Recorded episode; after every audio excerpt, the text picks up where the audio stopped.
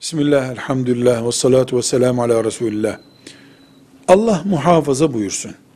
Bir insan trafikle veya bir makineyle veya herhangi bir şekilde adına kaza denecek bir sebeple bir insanın ölümüne sebep olduysa ama kaza kararı verilecek buna. Kaza ile oldu denecek, kasıt olmayacak.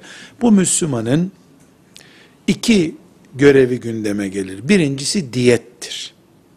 Yani diyet, kaza ile öldürdüğü insanın akrabalarına, yani onun çocukları ve varisi olacaklara ödenecek miktardır.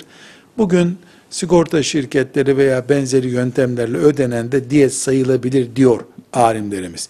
İkinci önemli husus, kaza ile insan öldüren, ard arda hiç ara vermeden 60 gün oruç tutar. Buna kefaret orucu denir.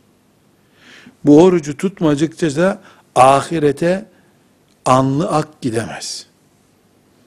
Ödenen diyet, o insanlara kan parası şimdi deniyor, kan parası olarak ödenen diyet, on, onlara ait bir helallik türüdür. Bir de bir cana kaza ile kıymanın cezası var. Allah'ın hakkı var burada. 60 gün kefaret oruç tutul ard arda. 58. gün ara verilecek olsa tekrar başlanması gerekir o şekilde. Velhamdülillahi Rabbil Alemin.